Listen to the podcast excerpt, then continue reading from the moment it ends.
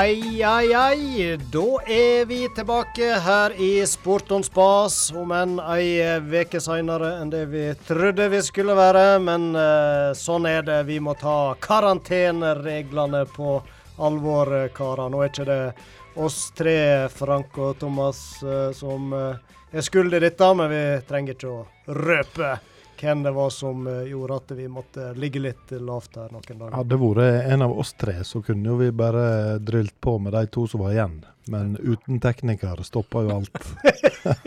Nå kan ikke vi si mer om det. Nei da. Men det var eh, det var vel bare hva det heter når det eh, Det var inge, inge, ingenting å, å, frykte. Men ja, han er frisk og rask og sitter og smiler fint. Og, ja. Vi er iallfall i gang igjen. 10. mars, ja. Vi er jo liksom i krysningspunkt eh, vinter, eh, vår, vår sommersesong her. Ski, uh, skivinteren begynner å gi seg. Vi har lagt bak oss noen VM både i skiskyting og nordiske greiene akkurat avslutta. Jeg vet ikke, Har dere fulgt med litt? Er dere interessert ja. i jeg uh, følgde veldig godt med på skiskyting, og faktisk litt overraska over meg sjøl at jeg så så mye langrenn. Det gjorde jeg òg, og, og spesielt femmila. Ja, det overraska meg. Jeg fikk melding av deg, Frank, eh, midt under femmila, og det, det syns jeg Du, du kobler deg liksom ikke bare på, eh, på innspurten. Nei, men jeg syns faktisk det var ganske spennende å sitte og følge med. Jeg så nesten hele løpet. Ja. Og det var, det var, artig. Og så ble det jo litt eh, kalas på slutten der, da. Med Boljunov og Klæbo. Ja, det... Og det var jo akkurat da han Ove skrudde på sendingen, for han gikk vel ut offentlig og sa at uh, han ikke følger med første to timene.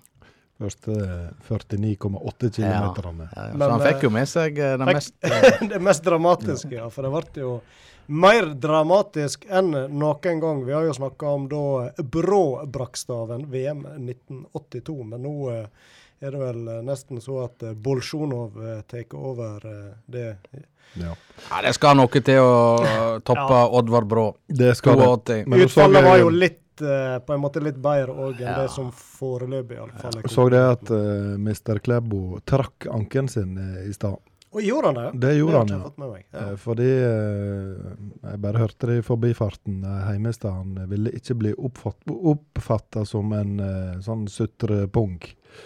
Så eh, Sikkert glad han Krüger på tredjeplass, da. Det er ikke sånn han vil vinne VM-gullene sine, han eh, Klæbo. Det syns jeg det står respekt av. Det er det. Han er en ung uh, kar som har uh, sannsynligvis mange gode løp foran seg. Men jeg, jeg tenkte litt på det. Hadde det nå vært sprinten han på en måte dette skjedde i, så tror jeg det kanskje hadde vært litt enklere for han å hva skal jeg si, svelge nederlaget òg. Eh, men det er noe mm. med femmil. Endelig fikk han det til. og ja. Det var jo full klaff. Han var jo en av de alle, som... Alle vet jo det at han hadde jo tatt det. Ja, det tenker jeg. Han var jo jeg... veldig sterk på slutten der. og... Um, men uh, sånn er det. Seigt å gå 49,9 km, og så uh, roter det til. Ja.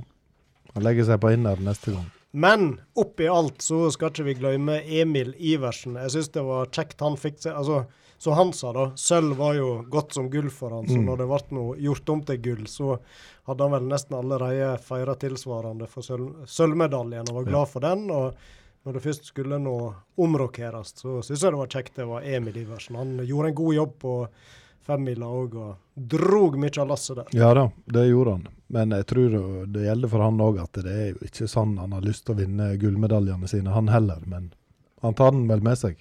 Mm.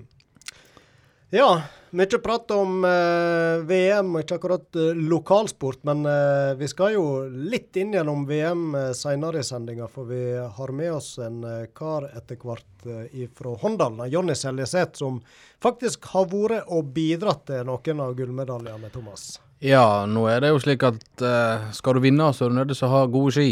Og det har nå i hvert fall han sørga for. Det har han. Som smører for kombinertlandslaget, så ja, det ble vel Var det tre gull, da? To til herrene og ett damegull, tror jeg. Ja. Og så var det noen både sølv- og bronsemedaljer. Ja, litt av hvert. Litt av hvert. Så han eh, skal vi få med litt eh, seinere i sendinga. Og ellers så er det jo en kar som har stått ganske høyt på lista vår, og vi har nevnt eh, flere ganger vi har lyst til å ha en prat med, og nå endelig klaffer det. Ja, det er jo som om vi skal omtale ei flaske rødvin, da må vi si vi skal sørover. og da skal vi. Vi skal sørover i Europa, og vi skal ta en prat med Per Egil Flo. Mm. Og han eh, gjør det jo ganske så godt i eh, den sveitsiske toppligaen. Ja, det gjør han. De ligger vel sånn noenlunde midt på tabellen. Jeg ligger på sjuendeplass, så jeg, så det, det, gjør det vel greit. Har du funnet ut verdien hans i kveld? Eh, Selvfølgelig har jeg det. det obligatorisk. Og fra, fra en sånn eh, ganske lykkelig fotballspiller i Sveits, så eh, skal vi til noen som kanskje ikke er like lykkelig. Jeg tenker på Oppstryn og Lasse Gjelle, der eh, var det litt sånn trasige nyheter her i forrige uke. Ja, det var det 40 års uh, sammenhengende seniorfotball i Oppstryn og Lund stadion er historie. 40-årskrise i ja, Oppstryn, rett og slett. Det er det, og vi tar en prat med Lasse Gjelle i kveld og hører litt om ståa der, da. Mm. Og som nevnt, uh, disse VM vi har lagt bak oss, så var det jo òg et skiskytter-VM. Og der òg har vi en sånn, eh, kall det en litt sånn indirekte link til en av de som blir med oss i sendinga i dag. For de som fikk nå med seg denne siste øvelsen i VM, det var vel fellesstarten. Så kunne en se i TV-ruta en litt sånn betutta Johannes Tingnes Bø, for det gikk jo ikke all verden. Han skjøt seg vel vekk fra iallfall uh, tetstriden. Og så uh, Du veit da, Roy, når du uh, har gjort det dårlig på siste distanse i VM, og så kommer NRK-reporteren og sier 'Vi har et seerspørsmål'. ja, det var vel Det, det glimta vel ikke akkurat av glede i øynene til Johannes Tingnes Bø da. Jeg tenkte ai, ai, ai, hva er det nå mm. hun skal plage denne stakkaren med, som helst har lyst til å gå rett i garderoben og ja. Men eh, da var det jo gledelig at eh, seerspørsmålet det kom ifra barndomskameraten og tidligere skiskytter han Jarle Midtgjell Gjørven, som rett og slett stilte spørsmål via NRK-reporteren om han kunne tenke seg å være forlover i bryllupet til han Jarle. Og, og hvis vi hadde hatt eh, sending sist onsdag, så hadde jo dette vært rykende ferskt på lag. Det hadde det vært, ja. Men, Men det er ikke noe. Det er ferskt nok. Folk skal... hører oss i opptak ja. likevel. vi har en tendens til å holde sendingene våre når Liverpool spiller Champions League-kamp. Så det er jo en tradisjon vi gjerne må fortsette med. ja. Men bare for å fullføre da med Jarle, så uh, skal vi ha han med mot slutten av sendinga. Så må vi mm. høre litt mer om hvor han kom opp med dette litt kreative TV-stuntet. Og så har jeg òg observert på Facebook i dag, det tror jeg du òg, Frank, fikk med deg, han er jo blitt pappa. Så da må vi huske ja. å gratulere han. Ja. han med oss. Yes, så dette blir ei innholdsrik uh, sending som vanlig. Det blir vel òg, uh, ja, ser ikke vekk fra et nytt rim med rake. Og så har vi jo ikke for å glemme konkurransen og en fantastisk premie som henger bak deg, Thomas, her. Ja, det er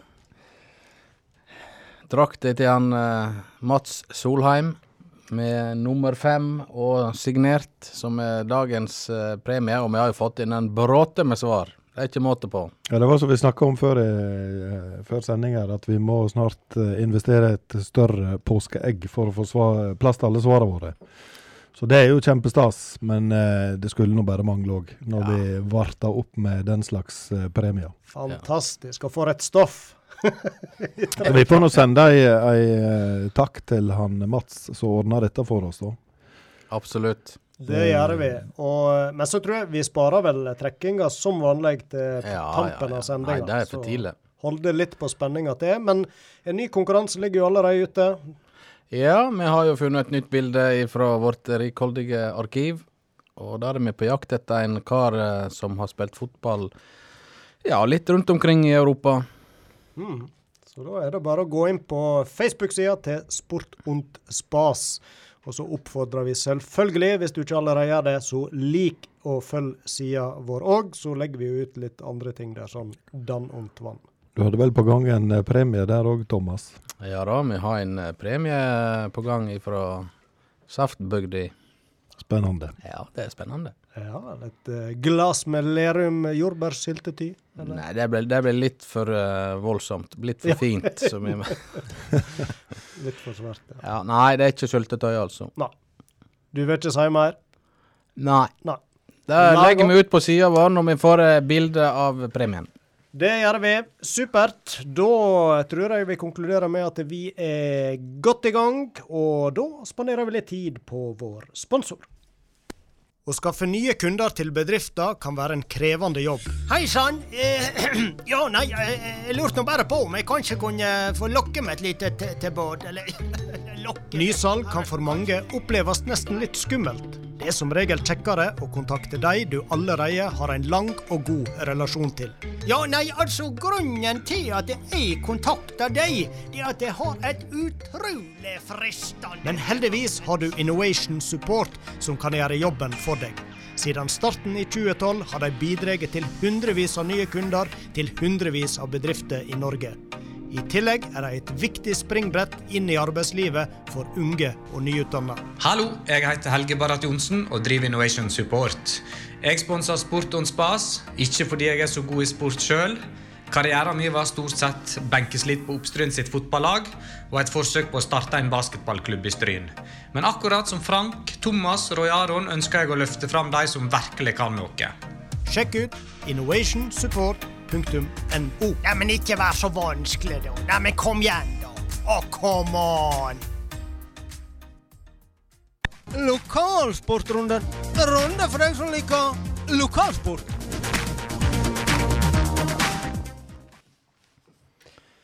Yes, yes. Lokalsport, ja. Det hører med. Vi skal prate bitte litt uh, skiskyting. Aldri aldri så lite fotball skal vi kanskje innom òg. Og så eh, tror jeg rett og slett vi starta med å ta en tur opp til Oppstryn. Vi var jo inne på det i starten her. At eh, det kom ei trasig nyhet om at de eh, dessverre må trekke seniorlaget sitt fra sjette divisjon pga. mannskapsmangel. Og da eh, tror jeg vi har med oss han eh, Lasse Gjelle, som eh, eh, er trener i Oppstryn. og God kveld til deg, får vi starte med å si. Jo, takk for det. God kveld. Jeg er her. Ja. Ja, det var jo eh, Vi konkluderte jo alle her med at dette var litt trasig å høre. Vi har jo fulgt litt sånn eh, med dere i Oppstryn og syns det har vært litt sånn eh, stas at dere har klart å holde dette laget gående nå i faktisk eh, 40 år. Og Fortell litt, eh, hvordan var det å måtte ta, ta denne beslutninga, Lasse? Nei, det var ikke noe kjekt i det hele tatt. Og det var, var noe absolutt ikke det jeg så for meg da jeg tok over eh, som trener og eh, fotballeder for et år siden. Det var jo resultatet av en trasig sesong i fjor, selvfølgelig, der vi ikke fikk, fikk spilt eh, og trent skikkelig sånn som vi hadde lyst til. Og så er det jo, sånn som jeg har sagt før, at eh, situasjonen med å prøve å skaffe spillere har vært vanskelig flere år. Så det har vært en jobb i mange år med å, å stable på beina et lag. Men uh, å skulle begynne med det nå i den situasjonen vi er, det, det gikk ikke. Nei, Det er jo som du sier, at uh, sesongen i fjor gikk jo fløyten. og... Uh, men du sa òg til meg at dette her ligger litt til kortet, for så vidt. Ja, det lå litt i kortet at hvis ikke, får, eh, hvis ikke vi får begynt med skikkelig fotballspilling, eh, så, så, blir det vanskelig å stille noe lag. Det er jo det som er. Og det har nå vært Det har ligget i kortet. Ja, det er jo ti år eh, siden jeg husker første gangen jeg var med og diskuterte om det var varslerlag i år eller blir, blir, blir lag evig folk. Og sånn har det nå vært mer eller mindre de siste ti åra. Det var vel et lite lyspunkt for en tre-fire år siden. Da var vi vel en ganske tre år siden, da var vi en ganske sterk stall. Da konkurrerte vi mot Eid på å ta tabelltoppen og var noe solide. Men så gikk det plutselig nedover, og så kom jo da koronaen og slo slo litt uh, knockout på oss. Det vi var, var litt ubalanse i klubben nå med skifte, som skift, både skifta trener og skifta leder av fotballgruppa og uh, en del folk som ble ute med skade sesongen før. Og så, så så så vi ikke helt for oss hvor vi skulle hente spillere ifra. Vi har jo ikke noe ungdoms... Eller har lite rekruttering på barne- og ungdomssida i Oppstryn, så vi har jo henta mye folk fra andre klubber, eller fra andre plasser i kommunen de siste åra. Og når da koronaen kom, så var vi litt Da var vi Da ble det en knockout, føltes det som. Men hvis du spoler tilbake til i fjor vinter, eh, på den tida en så for seg at eh, sesongen 2020 skulle gå som normalt, hadde dere eh, greit med spillere da? Nei, vi hadde jo vi hadde litt få spillere da jeg tok over i slutten av februar. Da Da hadde vi jo hatt en, vi hadde hatt en del treninger inne eh, i hallen. Eh, og da var det sånn som det var ofte har vært, at det var var en 10-12 og 15 stykker inne på trening. da. Men så eh, ble det litt frafall da, utover i februar, og vi mista Tarald Larstad, eh, fra seg trenerjobben. Og da, eh, da ble det noe sånn at jeg, jeg, tok over, og så sa vi få gjøre et forsøk nå fram mot Vi tenkte da ville vi jo stille lag, og, men vi, vi så jo at det var, var litt tynt. Og vi var i samtale med, med Stryn om det var mulig å få noe samarbeid og sånn i fjor òg. Mm. Det var vi. Og, men så uh, ble det jo nedstengt, kan du si. Da fikk vi jo på en måte våren på oss. Og uh, I fjor sommer så signerte vi jo tre nye spillere som vi, vi uh, og var noe positivt. Da så det ut som at vi skulle kunne samle noen folk utover høsten. Da. Men så, når det da stengte ned igjen og vi avslutta treningssesongen, så og det ennå ikke har Og vi aldri fikk begynt igjen i vinter, så så så vi egentlig ikke som forsvarlig. og så Da fant vi ut at i år får vi bare trekke laget for det. Å skulle gå på en sånn ny sesong som i fjor, det, det blir vanskelig. Det blir, det blir, bare frustrerende for alle involverte.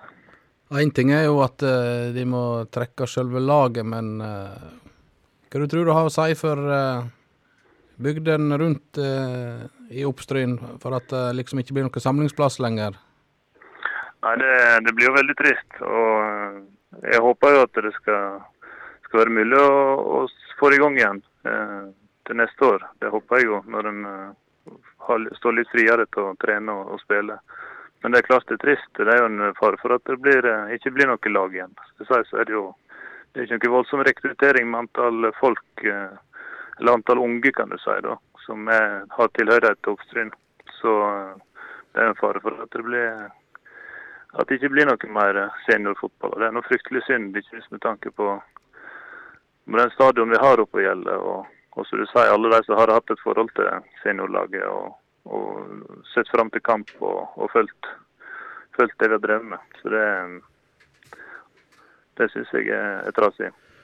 Og så blir det jo sånn at uh de spillerne som har lyst til å spille for uh, moro, de får jo én klubb mindre å velge i nå, da, når uh, Oppstryn uh, legger ned. Foreløpig, får vi si.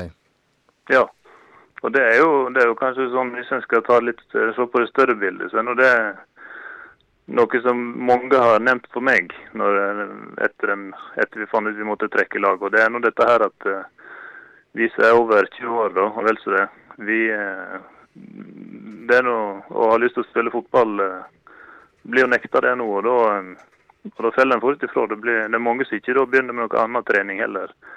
Og ikke, ikke har noen andre aktiviteter heller, kanskje, eller med plasser møtes. Og det, det, er jo synd. Det er fordi at eh, det, det er noe viktig for både folkehelsa, både mentalt og, og fysisk, at voksne menn har noe plass å samles og har et fotballag å, å, spille på, hvis en har lyst til det. Selvfølgelig går en òg glipp av noe, noe lokaloppgjør, så det ryker litt av, da, med, med både mot Håndalen og mot Vikane. Og. Men eh, Lasse, jeg tenkte i løpet av denne koronaperioden, eh, er ditt eh, inntrykk at eh, spillerne dine på en måte bare har, har slutta for de ikke orker å vente lenger, eller eller har de meldt seg inn i andre klubber, eller hva er det, hva er det på en måte som skjer med dem? Nei, eh, inntrykket mitt er at eh, de liksom bare sakte har seget ifra, da kan du si. Og mm. så mm. kan en nå kan en selvsagt si at, at en kunne på en måte ha jobba enda mer for å opprettholde kontakten mellom spillerne sånn sosialt for å på en måte holde, liv i gjengen, kan du si. Og Jeg er veldig imponert over Stryn-fotball. Og, og jeg er imponert over alle andre lag som eventuelt klarer å stille lag nå etter den sesongen i fjor. For det, det handler jo om at folk finner litt andre ting å gjøre på hvis du først har slutta med å, å, spille fotball og på en måte ikke kanskje ikke treffer den gjengen til vanlig, så er det jo er det vanskelig å holde kontakten når en ikke har treningene å samles på. Så mitt inntrykk er at, bare, at folk bare har seg ifra, kan du si. Uten noen sånne spesielle grunner. Ja, nei, og Oppstryn, som jo har hatt eh, en del holdt på å si, eldre spillere, det er jo, da er det fort familie inne i bildet, og jobb og alt slikt. Og Vikane i fjor, eh, de gjorde jo comeback i fjor. Fikk jo ikke eh, gjort det, men de har jo en god del yngre spillere, da. Så der, jeg veit ikke, kanskje ikke kaller det krisen så stor, da. Ja, det er jo avhengig av at folk Jeg eh, har forstått det som at det er utfordringer i Vikan òg i år. Jeg vet ikke hva, hvor de ligger an i vurderinga nå, men det er utfordring der òg. Og der er det kanskje en større utfordring. Det at folk, de unge reiser vekk på skole og militære. De som egentlig var klare for å spille i fjor. Men for vår del er det jo som du sier, at det er jo jobb og, det er jobb og familie og, og sånt som blir, eh, blir fokuset. Og da, og da er det vanskelig å, å komme, komme tilbake igjen og, og delta på trening og sette av to kvelder i veka og reise langt på kamp. Til slutt, eh, Lasse, har du et, eh, et godt minne fra Lund stadion som du kan dele med oss? Ja. Du har vel kanskje det, mange? Ja, det er mange gode minner fra Lund stadion. Det det er noe, jeg har nok tilbrakt mange timer der både med friidretten og, og fotballen og forskjellig. Så, men jeg glemmer nok ikke første målet mitt for Oppstryn og Steinar Greidung. Eh, jeg jobba meg jo Det var nå i 2007, var det da? 2007-sesongen, kanskje. Da eh, jobba jeg meg hardt inn på laget. Da var det jo vanskelig å komme. Det var ikke bare å komme rett inn, spaserende inn på laget på den tida. Ståle Sunde var trener.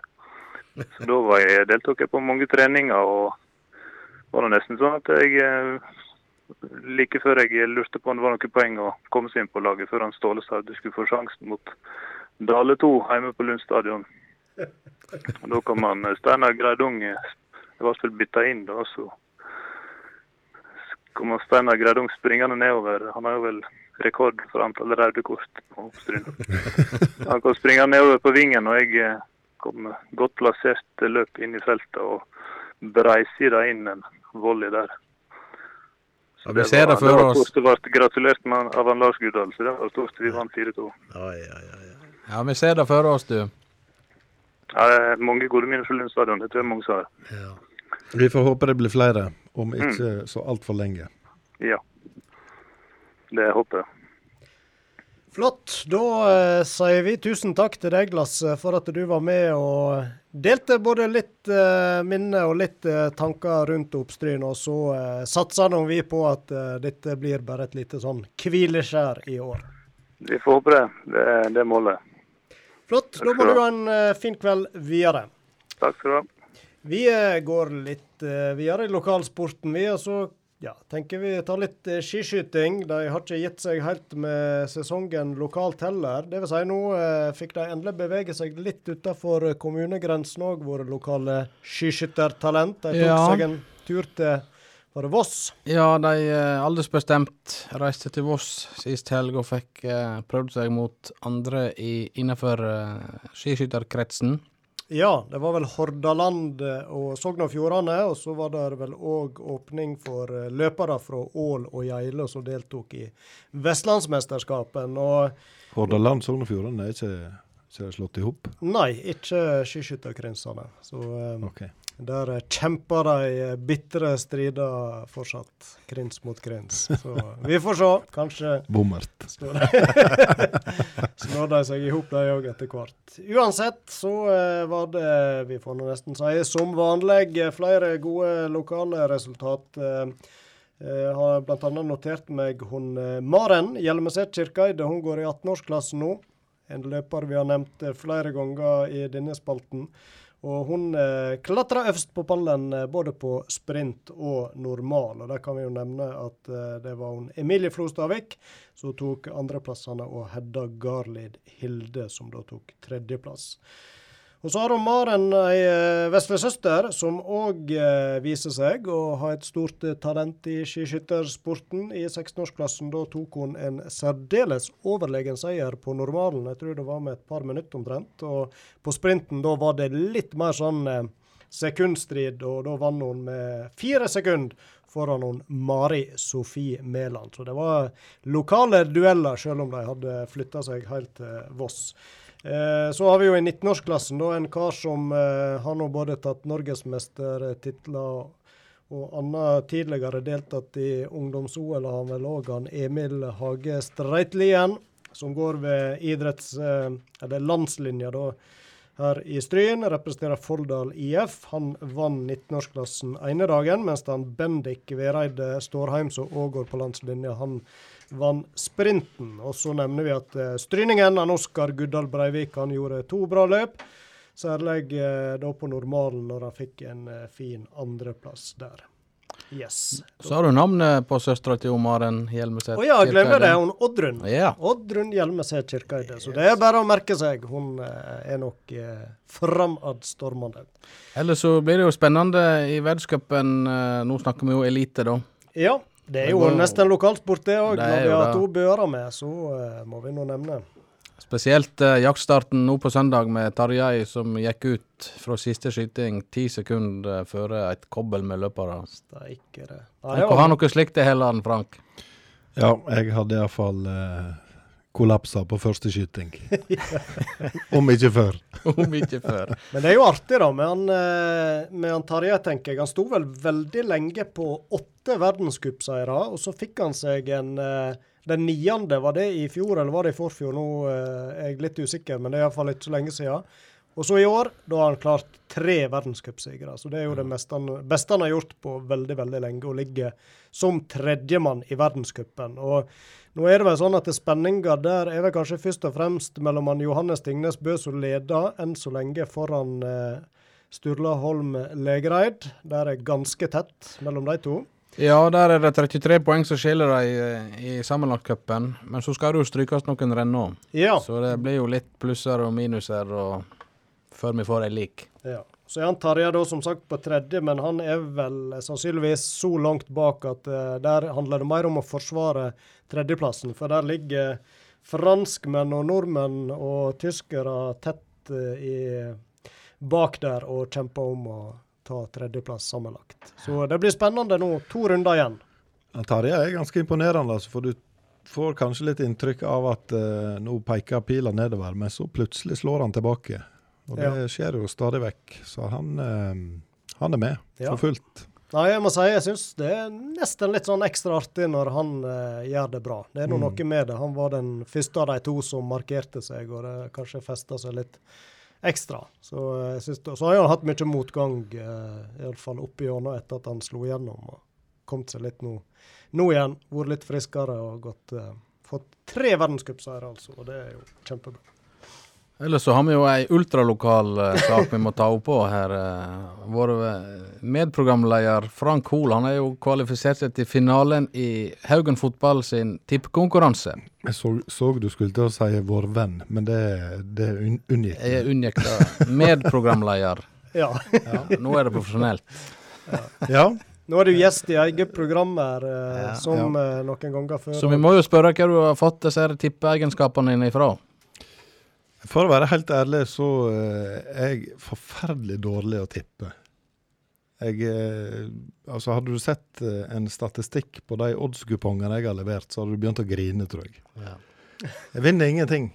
For her var det jo 120-30 som hadde meldt seg på Stig Høynes sin uh, tippekonkurranse, der han skulle tippe resultatet på tippekupongen. Ja, tippe tolv tegn, og så ble vi satt opp i duell mann mot mann. Ja. Og så har nå jeg snubla meg videre helt til finalen. Snubla seg videre med tre og fire rette. uten at jeg helt skjønner hvordan jeg har klart det. Ja. Hvem er finalisten? eh? Nei, det var en som heter, en som heter Fosse Elde mener jeg. Jeg kjenner ikke han, jeg vet ikke hvem det er, men eh, Ja.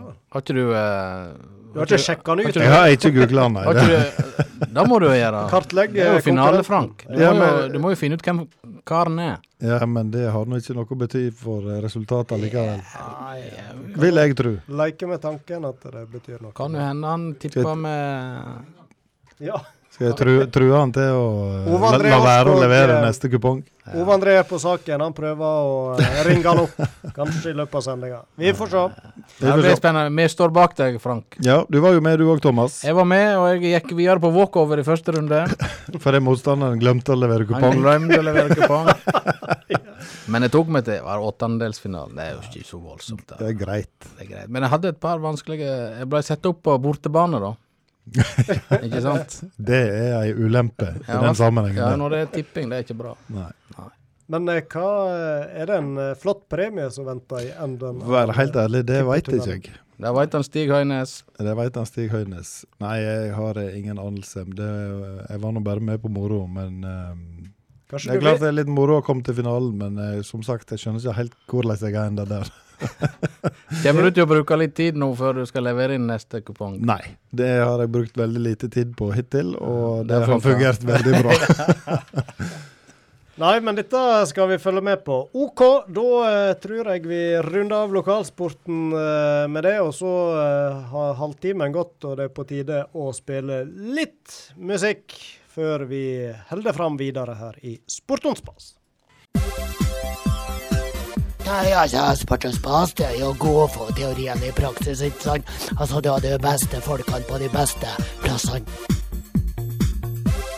Ja, da har vi eh, fått med oss eh, han Per Egil Flo fra Lusanne i Sveits. God kveld, Per Egil.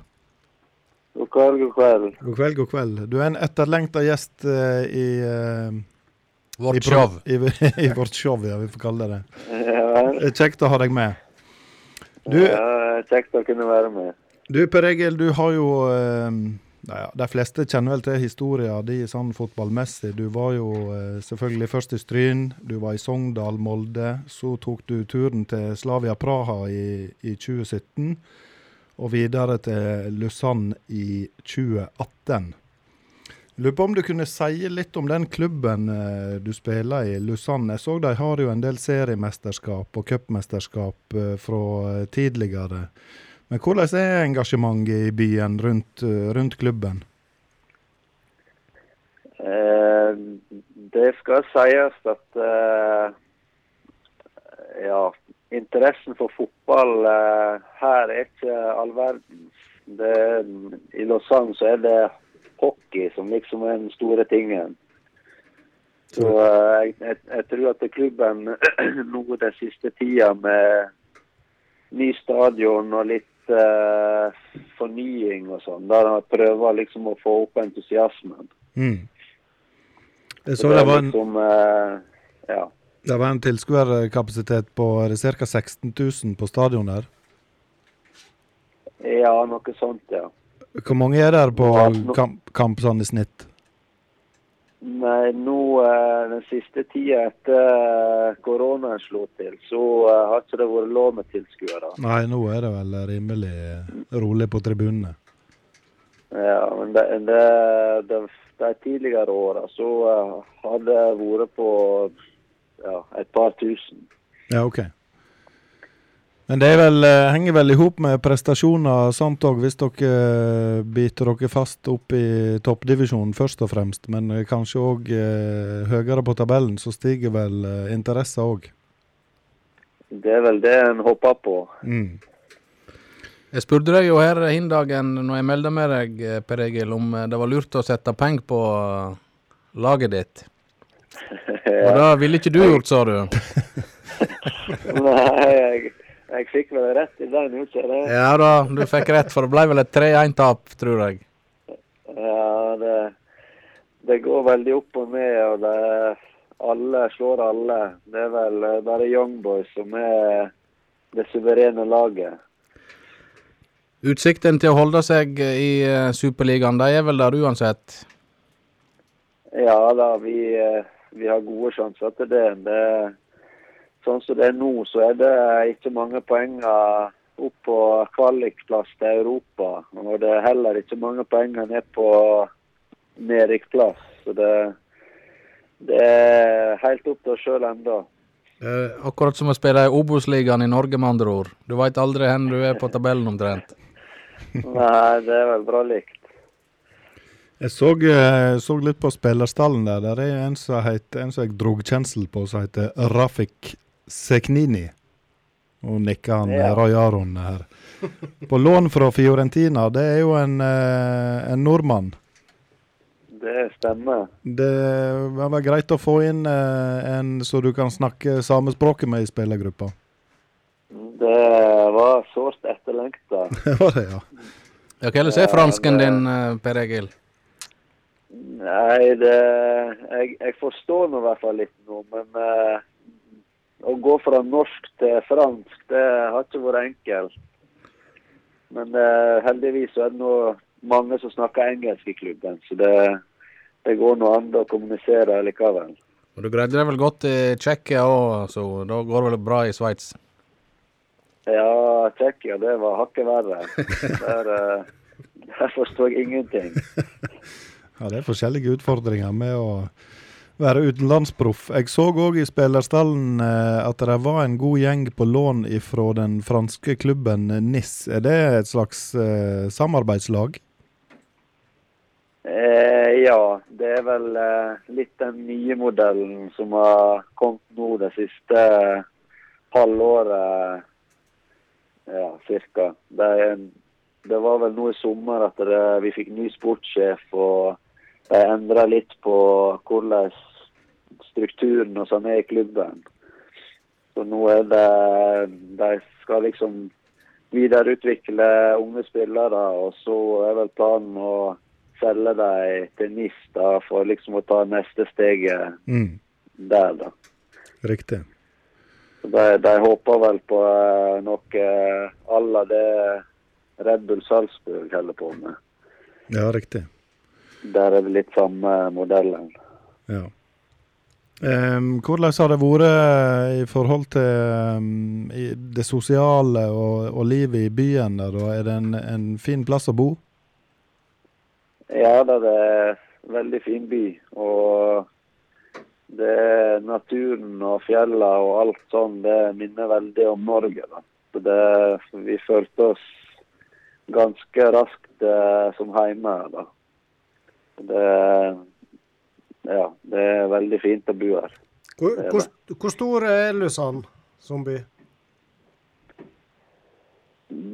Det, jeg vet at det er ca. 130 000. Jeg eh, vil sjekke det nå en gang, men jeg husker ikke nøyaktig. Men det er området der, i hvert fall. Ja, så i norsk målestokk så er det nå en mellomstor by, iallfall. Ja, mm. det, det, er nå det. Men uh, Per Egil, uh, du gikk jo fra Stryn til Sogndal og videre til Molde. Men så tok du et litt sånt utradisjonelt uh, valg, og du var vel kanskje første nordmann i tsjekkisk fotball. Kan du Hvordan havna du der? Du hadde, Nei, kanskje, andre, vel, du hadde kanskje andre tilbud òg?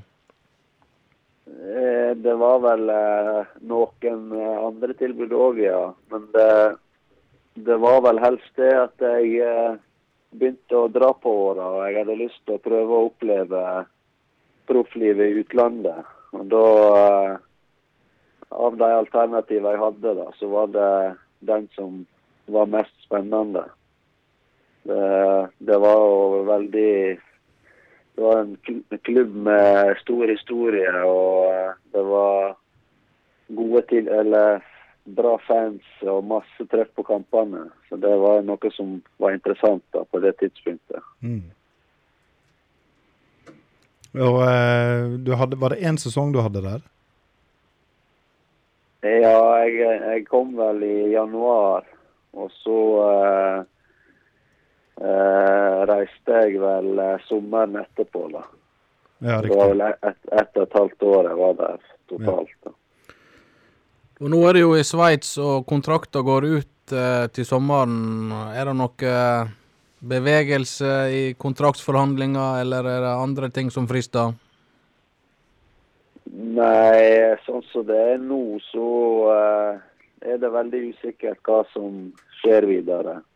Det, det er agenten som eh, jobber med det nå, og jeg uh, ja, prøve å fokusere på å spille fotball. Vi vet jo at, vi vet jo at du har hus i Sogndal. Ja, det har jeg. Det, det, er vel der vi har planer om å ende opp til slutt. Så, eh, men om det blir nå, eller om det blir om noen år, det veit ikke jeg ennå. Du har jo fortsatt et par-tre år igjen enda. På toppnivå i hvert fall. Har ikke du det?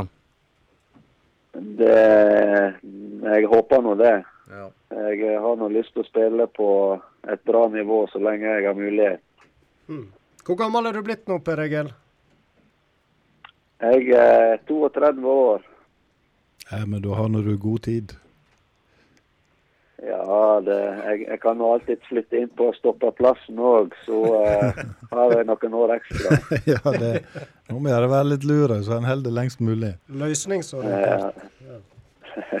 jeg bruker å ha um, å sjekke verdien på når vi har med oss fotballgjester. Eh, har du en anelse om hva din verdi ligger på akkurat nå? Jeg er litt usikker på om den er justert i forhold til kontraktsituasjonen, men uh, jeg regner med det er en uh, sånn generell markedsverdi. Vil du, vil du, komme med et tips? Det har ikke jeg peiling på. Det, når jeg begynte å bli så gammel, så eh, kan ikke jeg tro at den er så høy. Det står 400 000 euro. Er det 400 000 euro? 400 000, ja. Snakker vi 3,5 millioner? Ja, vi snakker vel litt over 4 millioner. Å oh, ja, over 4 millioner. Ja, ja det må det være verdt. Ja, det, det, det, skal andre få lov å vurdere. ja, nei, men um, sånn som vi forstår deg, da, så er det jo uh, svært aktuelt å komme til Sogndal igjen, da, men uh, litt uvisst hvor tid det skjer. Ja, det Jeg kunne nå tenkt meg å flytte hjem igjen etter hvert. Men eh, som sagt, så om det blir nå eller seinere, det gjenstår å se. Men hvis, hvis, det dukker opp tilbud ifra, ifra altså et, Jeg regner med at et alternativ er å bli der du er, men hvis det dukker opp tilbud fra andre klubber rundt om i Europa, er det, er det aktuelt å, å, fortsette å være ute? Eh, ja, det meste er nå aktuelt. Det, men eh, en må nå se eh, på totalpakken nå når jeg eh, har familie og unger. og Det vokser familien vår. Så det, en eh, må vel begynne å se litt hjemover òg. Og mm. få litt hjelp med besteforeldre og tante og onkler. Ja, det er vel litt vanskelig i Sveits. Der er vel ei bestemor det... som står klar med åpne armer, tenker jeg. ja, de Både her og der. Ja. De ringer nå stadig vekk, de, og skal ha oss hjem igjen. Så det spørs hvor lenge vi klarer å stå imot. Ja. Hvordan er det, Per Egil, å liksom være nordmann i utlandet? Du, er jo ikke, du får jo ikke besøk, annet, og har du sikkert hatt mye av tidligere? Ja, med den situasjonen som er nå, så er det egentlig veldig kjedelig. Det er når vi sjelden ser familie og ikke får reise hjem igjen, så eh, ja, blir savnet litt ekstra stort. da. Kan du si litt om hvordan eh, koronasituasjonen er i Lausanne og, og Sveits om dagen? Nei, nå var jeg inne og så tidligere i dag, og da var det vel en 1300-1400 smitta fra i går. Det, situasjonen her er nå eh, hakket verre enn eh, Norge. Mm. Det, men sånn har det nå vært. Det er nå lite nå i forhold til det har vært eh, tidligere. Ja, okay. Det har nå vært oppe i 6000 nye smitta per dag. Så det Ja. Men det, du blir nå vant med det. Det er en del av hverdagen. og En tar nå de forholdsreglene som myndighetene kommer med. Så Så det Ja, det en venner seg til det. Men, er det et uh, strengt regime i forhold til klubben og treninger og kamper hos dere? Testing og Ja, det, det er nå ikke så gale som eh, det er andre plasser. Det er, hvis det er påvist smitte, at da må hele, hele klubben testes. Og så må den testes på nytt etter noen dager igjen. og Mm. Men eh, sånn generelt sett så er det bare munnbind og, og ikke ja, være borti hverandre mer enn det som er nødvendig på banen. Mm. Det, det, er ikke, det, er ikke, noe skumle greier sånn sett. Hva så er neste kamp eh, på programmet nå for klubben din, eh, Per Egil?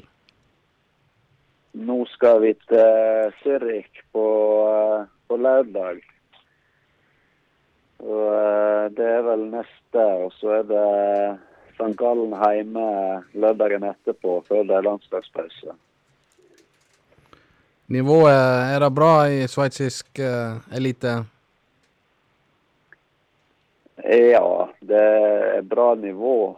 Det, det har blitt dårligere ut ifra det jeg har vært borti tidligere med Sveits. Det, det, er ikke samme nivået på Basel f.eks. som det var for en fem-ti år siden. Nei. Så det, det har nå sunket litt, det har det. Men du er vel klar for nødlandslaget hvis jeg skulle ringe? Ja, nå eh, fikk jeg ikke tilbudet sist gang på grunn Eller jeg fikk tilbudet, men jeg eh, hadde en skade, da, så jeg måtte melde forfall. Jeg leste jo på en nettside her at du var en av Norges mest eh, gjemte utenlandsproffer.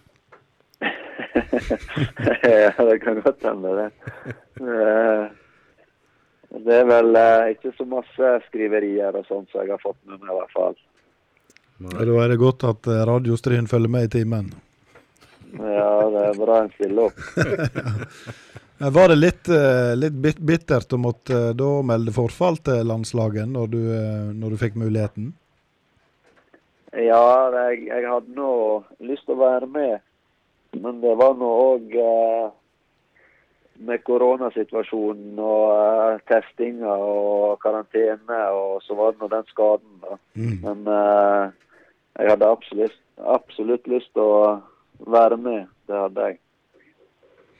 Ja, da kunne du gått fra fem til seks landskamper. Du har jo fem landskamper fra før. Jeg så det at det var bl.a. mot Eh, England og Italia, så du har nå virkelig fått eh, brynt deg på, på god motstand opp gjennom åra? Ja, det har vel vært borti litt av hvert. Den Italia-kampen var vel eh, ja, noe av det tøffeste jeg har vært borti i karrieren, tror jeg.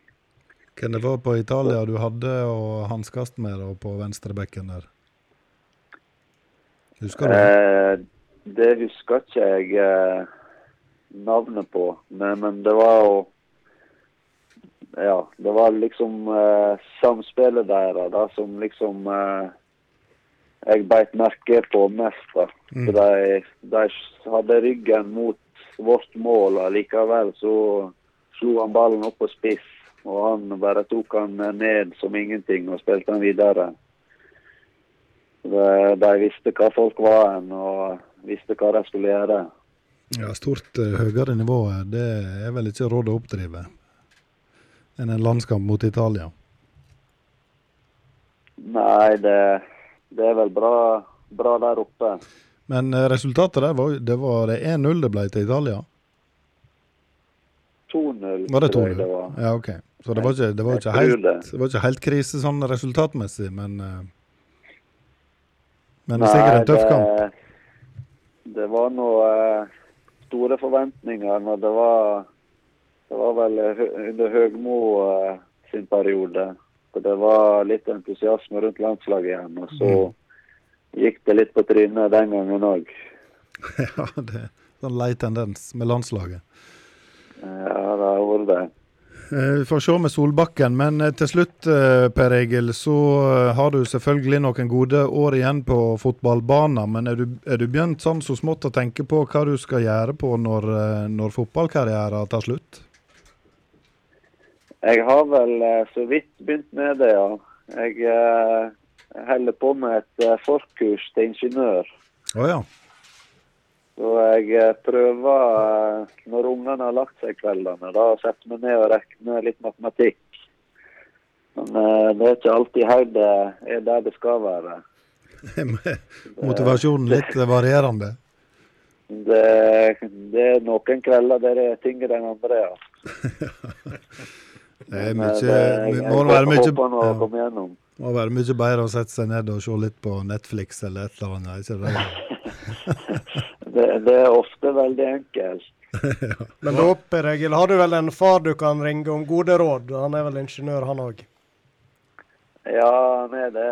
Han, eh, han eh, er nå flink å poengtere at det, når en først er i gang, så må en eh, prøve å holde ut. ja, det ja, nei, men du får bare bite tenna i hop der òg, og på fotballbanen. Vi er iallfall eh, veldig glad for at du, Per Egil, eh, tok deg tida i kveld å være med på en prat. En liten stemningsrapport fra Lausanne i Sveits. Det mm. har vi sett fram til. Så eh, ja, bare hyggelig. må du ha en flott kveld videre, og så eh, kan det hende vi prates igjen i denne spalten òg. Yes. Takk for det likeså. Ja. Ha det godt. Ha det. Ha det, ja. Ha det. Rim med rake.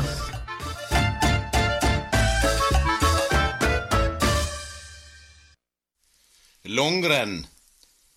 Kvar var du når Aleksandr Bolsjunov braut staven, og kvar var du når Oddvar Brå braut den? Historiske augeblikk som en aldri gløymer, men titt og ofte om det drøymer.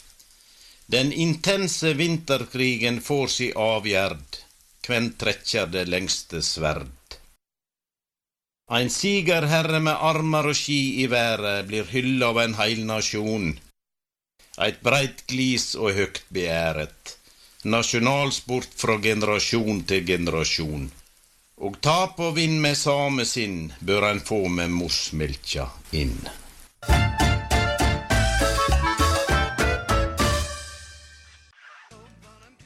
Vi skal holde oss litt i skisporet, vi. For han eh, Jonny Seljeseth fra Håndalen. Han er skismører for det norske kombinertlandslaget og er akkurat kommet hjem igjen fra VM i Oberstdorf. Guten Abend, Jonny.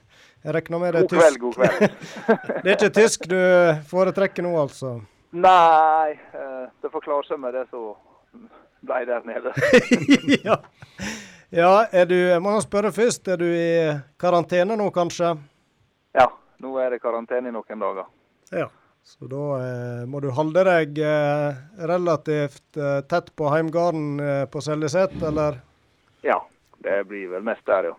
ja. Mellom hus, hus og fjøsstell, er det det det går i? Ja, ja, det blir den, det blir den rosa mellom hus og fjøs, ja. ja, ja. Men du, det ble altså Var det tre gull og flere sølv- og bronsemedaljer til herrene og damene? Og jeg må nå spørre, hvordan var det å få være med på dette? Nei, Dette var jo fantastisk kjekt, da.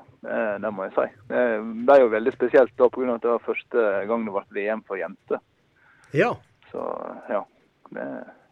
Hvordan var stemninga når det ble uh, der ble det vel eh, trippelt? Ja, der tok de jo trippelt. og Det var jo veldig imponerende at de klarte det. Men de hadde et kjempebra utgangspunkt fra hoppbakken, så det tok de godt vare på i lange spor. Så det var jo helt suverent. Og gode ski? Ja, eh, det tror jeg det skulle være bra, ja. ja. Nå er det jo sånn, Vi får jo litt sånn innblikk eh, i eh, dere som er skismørere òg. Eh, og da virker det jo som at det, det er lange dager for dere, både i smøreboda og så er det ut og teste ski i løypene. Kan du si litt om hvordan en typisk VM-dag for deg var? Nei, det gikk jo på det jevne med at vi møtte noe opp om morgenen da i, i smørbu. Eller vi har jo en lastebil som vi står i, så vi har innreda til ei smørbu som vi flytta med oss. Og, og, der går vi jo gjennom hva vi skal gjøre den dagen. Eh, selvfølgelig er det litt sånn en plan som vi bruker fra dag til dag, mer eller mindre. Og så gjør vi alt klart av test, eh, eventuelt løp løper ski hvis de skal ut på test, eller så er det testserier som vi drar med oss ut for å teste forskjellige ting. da. Eh, og Når det er klart da ut på formiddagen, eller alt etter når starttidspunktet skal være, da vi prøver jo å, å tune oss inn mot en konkurransedag. Da kan du si at vi må gjøre, bruke samme tidsaspektet som på en konkurransedag. Og så går vi gjennom alt det vi har gjort klart da, eh, på formiddagen der eh, til, til, til, til, den testen. Og går gjennom det ute på snø og kjører både litt sånn, hva skal jeg si, Eh, feeling i tillegg til noe vi kaller for en parallelltest. Vi er to, to i lag som kjører, kjører med en bakke da, som oftest er lett tilgjengelig enten på testområdet eller i løypa, hvis den er åpen. Mm. Og Så går vi gjennom da alt vi har laget eh, til test, og så går vi inn igjen etterpå vi er ferdig med den. og så eh, gjør vi alt dette her rent igjen da, og planlegger neste dag da litt, og så, sånn at det er klart til neste morgen. da. Så Det blir lange dager. det blir det. Så her er rett og slett eh, clouet å være ute og teste på samme tidspunkt som konkurransene går, så en får mest mulig riktig i forhold til temperatur og det, det, blir det som blir mest rett da, for å tenke litt sånn test. Så. Nå var det jo eh, enkelte dager der det var vel opp mot 20 varmegrader. Setter det ekstra griller i hodet på dere, eller har de kontroll? Det hadde de jo for så vidt, det så vi jo. Ja, vi fikk jo testa en del. Det var varmt ganske lenge siden vi fikk noen mange tester. altså Vi hadde jo en rød tråd gjennom det. Det, det så vi at det der var. Så vi fikk jo, fikk jo mye hjelp av det at vi hadde mange dager med varme, så vi fikk jo testa mye. Så, men klart, alt er en utfordring, men det er, litt, det er jo det som er litt av spenninga. Å prøve å finne disse der, ja, gode skier, som det heter. Så må jeg spørre, Jan, eh, kan du røpe, hadde du en børste borti noen gullski der nede? Ja, du kan si vi, vi eh, jobber i et system. Da, sånn at det, Vi har fire poster i den bilen da, der skia må innom på en måte. da. Mm. Eh, sånn at vi er, er, i en sånn prosess der er, noen legger manuell drill, noen legger eh, pulverprodukt på toppen, og noen legger ja, topping og sånne ting. Da. Så det er litt forskjellige prosesser. Da. Så alt deler vel innom alle stasjonene på en eller annen måte. da. Så alle får en finger med i gullskia, sånn sett? ja, det, det, vil jeg påstå. ja. ja, Var løperne fornøyd, Dag? Dere, får dere tilbakemeldinger, eller? Ja, vi prøver. Ja, vi, vi, vi, si, krever vel tilbakemelding etter at uh, de kommer i mål på et eller annet vis. enten Alt etter hva vi er, og hvor vi er med en tekstmelding eller ringe eller et eller annet sånt, så vi får en tilbakemelding. Eller prate med dem etter målgang. Det har jo veldig mye å si hva de skal om de skal på eh, dopingkontroll eller sånne ting, hvis de gjør det bra og sånne ting. Så vi prøver i hvert fall å få en tilbakemelding på ski, så vi vet hva vi har å jobbe med videre, for å si det sånn. Mm. Nå hadde jo, eh, hvis vi tenker på damestafetten, eh, så hadde jo Nå snakker vi langrenn. Ja. Så hadde jo Sverige en dårlig dag og med dårlige ski. Hvordan er det for dere smørere å oppleve slike dager? For du har vel kanskje opplevd det en gang? Jo, vi har jo vært borti det, vi òg. Det er jo ikke tvil. Det er ikke alltid like enkelt. eller ja. Fordi at løperne, løperne er jo nødt til å ha gode ski, skal de ha sjans? Ja, det ser sånn ut at jeg tror ikke du har mye i dette der gamet der å gjøre hvis ikke du har god ski. Det, det ser vi nå. Det er en ikke tvil. Da er det ganske fortvilende for smørerne òg når eh, ja, det var i hvert fall vondt å stå og se på de som bomma der nede. For det blir veldig tydelig på sånn våt snø som vi hadde der. Da. Hvis ikke det glir der, altså, da står det helt i ro. Du er jo smører for uh, kombinertgjengen, men uh, hvor mye har dere med de som smører for uh, langrennsløperne å gjøre? Det må da være et visst samarbeid der òg? Jo da, vi prata veldig mye i lag. Sånn som Der nede nå så sto vi jo på samme plassen. Vi hadde tre lastebiler stående side om side der, så vi var jo mye Eh, i diskusjon med dem og, og, og, tok imot råd og vice versa fram og tilbake. og I tillegg så hadde vi òg dette her gliprosjektet som eh, Olympiatoppen har kjørt i mange år. Vi hadde med oss slipemaskiner som sto der ved siden av, oss, så vi hele tida kunne gå for ferske sliper hvis vi trengte det. Og, og, dette her med å prøve å teste ut og finne en slip som fungerer bedre enn det vi har fra før, på stedet, kan du si. Det òg har blitt litt viktig, ser jeg nå siste mesterskapet. At det blir viktigere og viktigere å kunne slipe. På stedet. De, de andre nasjonene, hvordan er de sånn eh, på det området der? Er det stor forskjell på Norge og, og resten?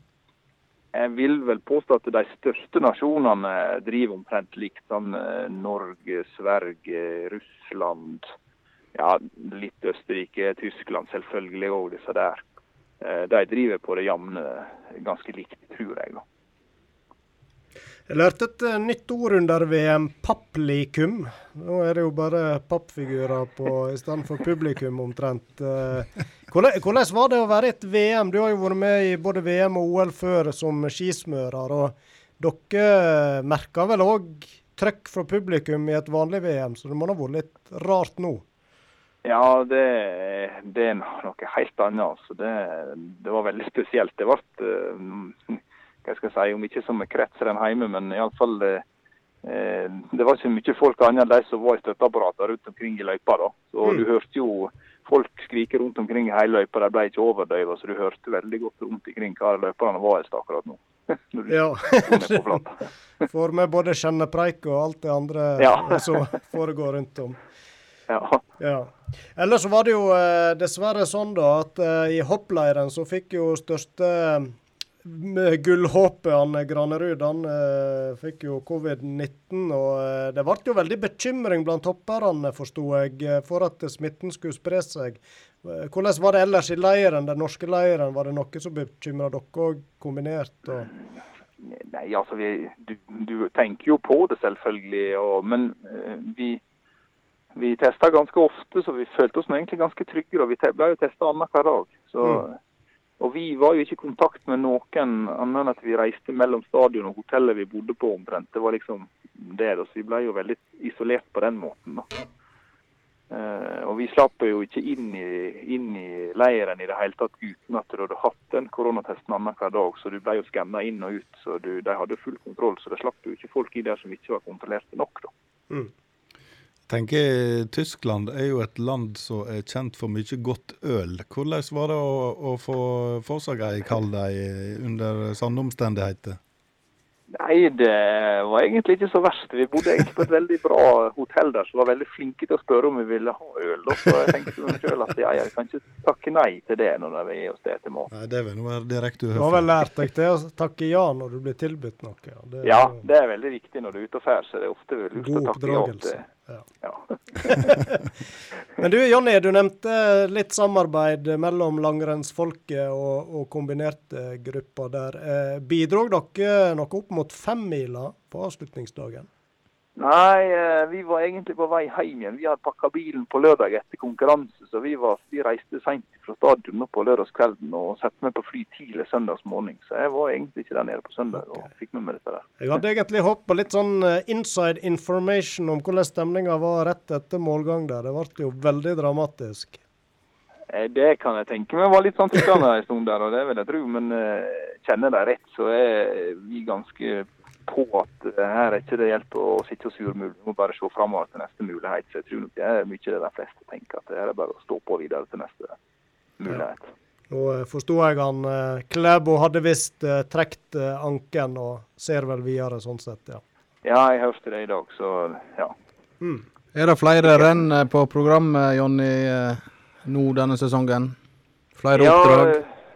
Jeg skal ikke på noe mer i år, men uh, kombinert har vel siste verdenscuprunden sin neste helg i hva det ble Klingenthal, tenker jeg de skulle avslutte sesongen. Blir du med fram mot OL i Beijing neste år? Eh, vi får se litt hva som uh, kommer på banen når våren kommer, men eh, ja, i utgangspunktet så var jeg bare inne nå for en, en en annen kar som ikke kunne få dette til å gå opp pga. at han kunne ikke være i karantene når han var hjemme, for han hadde en jobb han måtte passe på. Og Da ble jeg spurt om å ta en, runde nå i vinter for å hjelpe til litt. og Det jeg, fikk jeg til så jeg kunne ta på meg. Så jeg er jo egentlig inne for han, da. Så, men vi får se. Ja, men, dette helt akkurat nå. Nå gikk det jo så bra at du må nå være klink bankers på laget nå. ja, det, det går an å håpe at det var en god søknad, for å si det sånn. Never change a winning team, så det er jo synd for han som ja. måtte bli hjemme. Han får nå bare styre med sitt. Ellers må vi jo takke han Jonny for at han stilte opp for oss i lokalavisa, Roy Aron. Du, var, du sendte meldinger og sendte bilder, og det var kjempegreier for oss. Ja da, det er bare artig det å kunne sende noe sånt. Nei, vi syns iallfall det er moro og stas uh, uansett om en deltar som løper eller bidrar uh, på smøresida, så gjør en en stor og viktig jobb. Så det er moro at du får lov å prøve deg litt der, Jonny. Så uh, får vi nå ja. se om det kanskje blir uh, nye reportasjer ja. Beijing neste vinter. Kanskje det. Kanskje, kanskje det. det. OK, da sier vi tusen takk til deg, og så må du ha en fin kveld videre og nyte karantenen. ja, takk for det. ja. Ha det godt. Ha det, ja. Ha det bra. Sport og spas. Like underholdende som god sklitakling. Ja, god kveld på stova. Kjære radiolytter. Mitt navn er Peter Paddington. Jeg kjører da en del norskkurs her på Stryn men mest jeg kjører en gammel Opel. ja, da jeg gir meg ende over, som han sa. Nei, det norske språket det kan virke litt sånn vanskelig å lære. Det er mye rare lyder, det er andre vokaler, dialekter. Og, og det kan føles som det ikke henger på den grape tre. Men egentlig, norsk er veldig enkelt. Vi må bare våge å leke, tulle, teise med språket og gjøre det ufarlig. Og der finnes det morsomme øvelser. For eksempel, jeg bruker denne. Ibsens ripsbærbuske og andre buskevekster. Og så prøver en å, å, si det litt fort. Ibsens ripsbærbuske, andre buksevekster, iksa rupsevrikse, vekse, vekse, ripsevekse, vekse, ane brukse. Ja, det, det, det, er litt vanskelig, det er det, men dere må huske, jeg har øvd lenge. Nordmenn de elsker sånne ord og uttrykk. Eh, og i dag jeg tenkte vi, vi kunne ta noen slike uttrykk og prøve å forstå disse. Det er veldig enkelt. Eh, vi kan starte med uttrykket 'mellom barken og weeden'. Ja, hva i alle dager skal det bety? Jo, du er begynt å bli voksen, du er ferdig med tullerøyking av bark og sageflis, men heller ikke begynt på weeden. Altså mellom barken og weeden. Altså tidlig, tidlig ungdom, kan en òg si. Eh, så har du denne klassikeren. Det er bedre med én fugl på taket enn ti hånder. Ja, det er ikke akkurat drømmebilen, det heller. ja, Så kan vi òg ta med en siste her i dag. Han traff spikeren. Ja, da er det nok en person som sannsynligvis har vært på Stryn stadion og møtt på Johnny Bolseth eller kanskje Torstein Tvinnereid. Yes, det var alt for i dag. Ha det bra. Og stas er helt konge. begynner å dra seg eh, mot eh, slutten av sendinga, men eh, på tampen i dag, da skal vi over i den mer, vi får si, kulørte presseavdelinga. For vi har nemlig med oss en tidligere skiskytter fra Stryn som nå er gifteklar, og som på litt sånn artig vis dukka opp på TV-en helt på tampen av den siste sendinga fra skiskytter-VM. Det var han Jarle Midtvel Gjørven. Han brukte likså godt NRK til å spørre Johannes Tingnes Bø om han ville ta på seg forloverrolla. Men du, først av alt, Jarle, du er med oss, og da må jeg si gratulerer, for du er altså blitt pappa, og det på eh, selveste kvinnedagen. Jo, tusen takk for det. Det var, det var et stort øyeblikk, det òg. Ja, virkelig. Det, ja, hvordan eh, var det? Dette var jo første gangen. Ja, det er første, første gang vi blir foreldre, ja. Så det var litt spesielt. Det er jo en ny situasjon, så Men jeg trives nå med den, sånn som det er nå i hvert fall. Vi er, vi er jo enda på sykehuset. Fikk du være med på fødselen? Det har jo vært mye debatt rundt den saka i det siste. Ja, nei, det var, det var jo litt fram og tilbake rett før eh, vi, før vi skulle ha termin òg, sånn sett. Men eh, jeg fikk være med fra, fra tre centimeters åpning, da for de som er kjent med det. jeg veit hva du snakker om. ja. Det er vel faktisk den første gjesten uh, vi har med direkte fra et sykehus, er ikke det da? Ja, det er rart hva man skal få til. ja, det Du er på sykehuset nå, eller? Ja, jeg sitter på, sitter på barsel. Yes. Fantastisk. Ja, Så hjem igjen i morgen. Men du svimte ikke av under fødselen, altså? Det gikk fint? Nei, det gikk helt fint. Ja. Det er sterkt å se på, men det gikk helt fint. Og alt er vel med mor og var det Jesper? Jesper, ja. Nei, alt er bare bra. Så godt. Eh, ingen problemer. Men du, vi skal over til dette litt eh, kreative NRK-stuntet, som vi får kalle det. Du, du må da fortelle, hvordan eh, kom, du, kom, du, på det? Nei, for det første så tenkte jeg bare sånn at nå er det på tide å, å høre om det er noen som vil være forlover her. For jeg, jeg gikk jo ned på kne i sommer, så det var en stund siden. Ja. Eh, og så har å styrt litt hjemme med å pusse ei tropp som jeg har hatt mye tid til å sitte og tenke for meg sjøl. Så um, tenkte jeg tanken at det hadde vært litt stilig å se om en fikk til å spørre på etter siste løpet i VM i skiskyting. da. Eh, og tenkte samtidig at nei, det er kanskje litt upersonlig å gjøre det på den måten òg.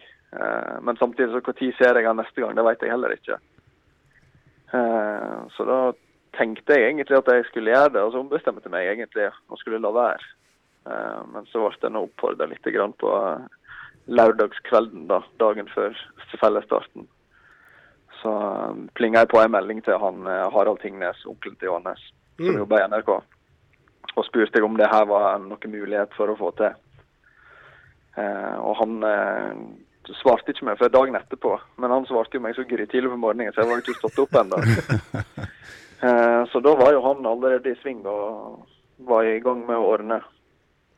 Så det, da trengte jeg bare sende inn noen bilder, jeg, og så ordna han resten, egentlig. Så det var veldig behjelpelig. Ja, det var jo noen artige barndoms, eh, barndomsminn eller bilder fra barndommen da, som dukka opp i TV-ruta òg der. deg Ja, det var, det var litt sånn step by step i livet. Fra liten til, til siste bilde som var fra utdrikningslaget til Johannes, faktisk. Jeg regner med at du satt og så på uh, sendinga, Jarle. Ja, det, det gjorde jeg. Og uh, han så ikke så kjempebegeistra ut når han uh, ble fortalt at det var et seerspørsmål på gang. Det må, må være lov å si. Ja, nei, det så ut som han sank ti hakk eh, enda lenger ned i biffen sin. Har han sagt noe om hva, hva han trodde som kom? Ja, jeg måtte spørre han hva han egentlig tenkte. Og han sa, han sa egentlig at eh, til vanlig så blir det jo aldri stilt seerspørsmål. Mm. Eh, Så for det første tenkte han hva er det her for noe? Og så tenkte han òg at det var sikkert en sånn her Sier Siden det hadde gått litt dårlig, så var det sikkert en liten gutt som hadde skrevet inn eller sendt fra mora at eh, det er så kjekt å se deg på TV, og jeg er så forbilde, bla, bla, bla. Det var den tanken han hadde. Mm. Så han, han, han klarte ikke å oppfatte med en gang at, eh, hva det var for noe. Han tok han liksom ikke helt med en gang. For hvis du ser på bilder, så er han litt sånn, litt sånn tilbakeholden før han på en måte Mm. innser hva det er for noe. Men Så eh, det- så kom smilet Eller, han hadde jo munnbind, men eh, det, vi kunne nå se der det var et eh, bredt smil under likevel. Så Ja da. han ja, da. tok godt var- imot beskjeden. Jeg tror det var god timing med tanke på han var litt sånn nedstemt etter løpet òg. Det gikk jo ikke all verden. Ja, det var litt sånn som uh, samboeren min sa bare uff, det her var noe forferdelig dårlig tidspunkt han står der er skuffa og hele pakken. At nå, nå går, det, går det her dårlig. Men det var nå egentlig bare bra. Ble det liksom litt mer positivitet å eh, få ut av han. Mm. Var han på tråden etterpå, eller du ringte han? Så dere fikk Eh, jeg prata med han eh, seint, seint på kvelden på den søndagen. Mm. Da drev han og pakka bagen og åt noe kveldsmat. Da hadde han tid, da. Men du Johannes, eh, som forlova, hvordan tror du det blir? Blir det mye sprell og et uh, heftig utdrikningslag, eller blir det mer sånn rulleskistafett og sportsdrikk med kullsyre? Det blir iallfall ikke eh, rulleskistafett og sportsdrikk, nei. Det, det kan iallfall være helt sikkert. Det blir, det blir ikke skiskyting. Nei, det blir det ikke. Det, nå skal jo han Johan Eirik Mæland òg være, de to i lag. Ja. Så nei, jeg regner med at de steller i stand et kvart eh, artig. Det er jeg ganske så sikker på. Hva, hva det inneholder, det overrasker meg til ingenting uansett hva det blir. Mm. Går det litt sånn på eh, skulle til å si rundgang, dette med forloverrolla? For du òg var vel forlover til han Johannes? Ja, det var jeg. Men eh, det, det falt meg helt vanlig nøytralt at det, det skulle være sånn. Mm. Eh, det er liksom Selv om de på en måte ikke har mest, mest kontakt eh, til daglig nå når alt når Vi har hver sitt å styre med. Så sitter på en måte den rota litt igjen fra vi var små. da, så det, Selv om jeg har på en måte andre jeg har mye mer kontakt med kanskje til daglig, så blir det aldri det samme som barndomsvennene. da, som er, Det står ganske sterkt. Så det, jeg var på en måte aldri i tvil, selv om jeg sikkert tenkte litt rundt andre ting òg. Mm. Så var det på en måte ikke så vanskelig å bestemme seg. Men nå var jo du eh, med og arrangerte da eh, han Johannes sitt utdelingslag. Frykter du på en måte noe hevn? Ja, det er godt mulig, ja. Uten at vi behøver å gå i detaljer? Uten at, eh, uten at det blir nevnt noe, så det, kan det være en viss fare. da er det vel kanskje ikke så lurt å si hva du ikke har lyst til å være med på? Nei, da blir det kanskje det de finner på, da. ja. Nei, Så lenge jeg slipper å springe rundt på et kjøpesenter i kondomdrakt og klovneparykk, så er det greit. Ja. Det, jeg tenker at det, de tenker at det er om å gjøre det mest mulig artig. Så i lag med gode venner, så blir det sikkert bra. Mm. Ja, dere har jo eh, lang fartstid i lag som barn og ungdom i, i forbindelse med sporten òg. Jeg må nå spørre deg, da. Når VM var, og er det sånn at eh, kribler det litt fortsatt, eller eh, er det på en måte tilbakelagt stadie for din del, det med skiskyting? Du kan si det sånn at eh, når, de, når de er ute og går, og når de er inne og skyter, så strammer jeg magen i det der tar stavtaket, og jeg holder pusten når de skyter. Så på, på, en måte så har jeg lyst til å være en del av det, men samtidig så er det veldig nesten litt sånn deilig å heller leve seg inn i, inn i, inn i deg, da. Mm. Eh, og heller ta den følelsen. Så, men det er klart, eh, jeg skulle gjerne ha vært eh, litt bedre form enn hva jeg er nå, og kunne vært med på litt her og der. Det hadde vært artig, det. Men det lar seg liksom ikke helt gjøre etter hvert. Men Er skiskytinga lagt helt på hylla, eller er du med litt sånn på hobbybasis fortsatt? Det, er, det er veldig lite, lite, miljø her oppe. Og for andre så er det stort sett ja, minst åtte meter i sekundet vind. Så det er ikke sånn veldig takknemlig på skytebanen her. Men eh, jeg har vel vært med og gått en to-tre renn på de snart tre åra jeg har vært her. Så det er ikke mye. Det er mer, mer langrenn. Jeg slenger meg med på vanlige skicupene sammen som vi har Markane Cup. Mm. Så, jeg er nå med, med, der, da. Hvordan er vintrene der oppe, da? Vi er jo ikke akkurat uh, de mest snørike vintrene her lenger. Nei, da, men i år har det vært litt annerledes her oppe, i hvert fall i forhold til hva det var i fjor. For i fjor så kom jo snøen i uh, oktober og lå til mai. Uh, og da var det jeg vet ikke hvor mange meter snø det var, men det var i hvert fall veldig mye. Uh, men i år så kommer ikke han før, uh, før etter nyttår. Mm. og da har det egentlig vært veldig mye kaldt og i grunnen egentlig veldig mye fint vær òg. men det ligger noe snø, fint med snøvær ute nå, så det har vært strålende dager her oppe nå mens jeg har satt og sett ut sykehusvinduet i hvert fall. Vi, vi snakker om her oppe, jeg vet ikke om vi har sagt det hvor du bor hen, men vi er altså langt oppe i nord iallfall. Ja, vi er ganske langt oppe i Hammerfest. Ja. Så det, du kommer ikke så veldig mye lenger hvis du setter nesa nordover. Nei. Det gjør du ikke. Det sist vi snakka med deg, da jobber du i en sportsbutikk. Er det fortsatt samme jobben, eller? Det er det, vet du. Ja, Og det går bra? Ja. Tuta går, god omsetning og er egentlig bare velstandard. Mm det er det. Og nå er du pappa, og du skal gifte deg for et år. Det er ja, det kan du si. Ja. Når står giftermålet, da? Eh, vi skal gifte oss eh, i juli, altså i 2022. Aha, så han har litt tid å planlegge på. Han, da kommer vel Radio Stryn til å overføre vielsen, ikke det sånn, Ove? ja, det, det skal dere få lov til. Blir det, blir det i Hammerfest, eller er det Det blir eh, hjemme i Stryn. Det blir hjemmestryn, ja. ja. Flaks for oss. Ja. ja. Eller, eller uflaks. Eller uflaks. Dyre flybilletter med videre opp hit. Nei, men eh, veldig moro, eh, Jarle. Alltid kjekt å prate med deg. Og eh, ekstra moro var det jo at du, siden vi avtalte du skulle være med, så ble du plutselig pappa òg. Så det det var, jo, det var jo egentlig fint med en liten utsetning. Ja. så da får du bare nyte pappalivet, og så snakkes vi plutselig igjen. Og lykke til med bryllupsforberedelsene òg. Jo, takk for det. Takk for at jeg fikk være med. Yes, det var han Jarle Midtgjell Gjørven, det.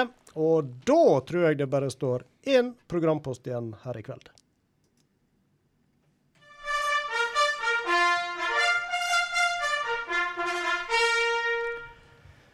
Ja, nå er det jo tre uker siden eh, vi setter i gang eh, denne konkurransen eh, her. Og Mats Solheim han var på, selvsagt som vanlig, på T-båtsida. Og Sendte oss ei eh, Mats Solheim-drakt, Stabæk, med signaturen Mazzello. Ja. Det var, jo, eh, det var jo på en måte ikke han som foreslo det, da. Vi kan jo, vi kan jo legge til det. Det var du. Sånn at Han ville ikke promotere seg sjøl på noen måte. Det var vi som ville promotere han. Ja. Uh, og det gikk han med på. Ja, ja. Som det ja-mennesket han Han har aldri sagt nei til oss, han Mats. Aldri. Det, det, får, det, det, får ikke lov å finne på heller. Nei, nei, nei. Men vi er jo veldig glad for at vi fikk ei drakt. Eh. Visste vi det. Og, og det, vi må jo si det er rift om, eh, om den.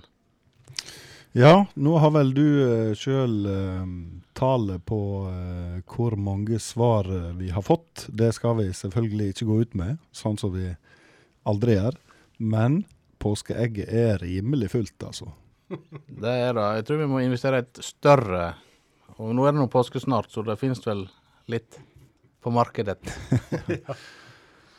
Nei, men vi har, fått, vi har aldri fått så mange svar før, og det er et tosifra tall, og det er godt opp på tosifra. Hør på dette her. Oi, oi, oi. Ja, vi har lagt uh, lista høyt, sa jeg til konkurransesjefen når det gjelder premier. Men eh, jeg tror han leverer bra på neste òg, uh, etter det ryktene sier. Så, ja, men du offentliggjør vel neste premie etter hvert? Ja, når vi får bilde, sa jeg. Da eh. Du må ha bildebeviset. Jeg må ha bildebeviset. Ja. Men eh, premien den er i boks. Det er bra. Jeg har jo mange stryninger ute i Norges land som er svært behjelpelige. Ja, de sier sjelden nei til radiostryn. Og det er flott. Det setter vi pris på. Men uh, nå husker jeg ikke Spørsmålet ja, i sist. Er noen som husker det? Var ikke det en italiensk eh, gladgutt vi skulle fram til? Italiensk gladgutt, og vi fikk mange svar, og flere av de eh, var jo eh, ganske fyldige svar òg. Det var ja. mange historier der som ikke tåler dagens lys. ja, det var jo en eh, aldeles eh, sjarmør, dette her. Var det overvekt av damer som svarte, Thomas, eller har noe statistikk Nei, på det? Nei, dette her er god blanding, og det er både nye folk eh, og gjengangere. Ja. Nei, men det er kjekt. Vi håper nå, uh, håper nå de uh, følger med oss og kanskje hører sendinga òg. Ja. Som, men nå vil vel folk at vi skal komme i gang ja. her, kanskje. Jeg tror det er du, Roy Aron, som skal trekke. Ja. Eller Nei, Roy Aron sin tur. Roy Aron. Rota godt. Ikke se nå. Det var noe som ekstra forseggjorde lapper denne gangen. Ja, det er maskinskrevne, eller Litt høgtid. Ja. Oi, maskinskrevet. Ja. Se her, ja. Da står her Dette er iallfall uh, et nytt navn, så vidt jeg kan uh, skjønne. Han heter Jan Mikael Beines. Og du og du. Jan Beines. Ikke Jon Beines, men Jan. Jan Mikael Beines. Fantastisk. Da gratulerer vi han med ei uh, flott Solheim-skjorte. Nummer fem Stabæk-drakt. Ai, ai, ai. Du, Jan Mikael, du kan sende oss uh, ei melding på Messenger med adressa di, så skal vi ta og sende den så fort som mulig. Mm. Størrelse er ikke vits å sende. One size fits all. Ja, kun ei å velge. Gratulerer så mye. Kjempebra. Da snurrer vi i gang uh, avslutningsfanfaren, uh, hadde jeg snart sagt. Kjenningsmelodien vår, og det betyr at vi er i ferd med å sule inn og takke for oss. Og vi får sagt det som sies bør, Thomas. Ai, ai, ai. Ja, ai, ai, ai. Thomas Taule, Frank Hoel, mitt navn er Roy Aron Brennvik Myklebust. Vi glemmer selvfølgelig ikke karantenefrie Ove André Årskog. Ai, ai, ai. Ha det bra!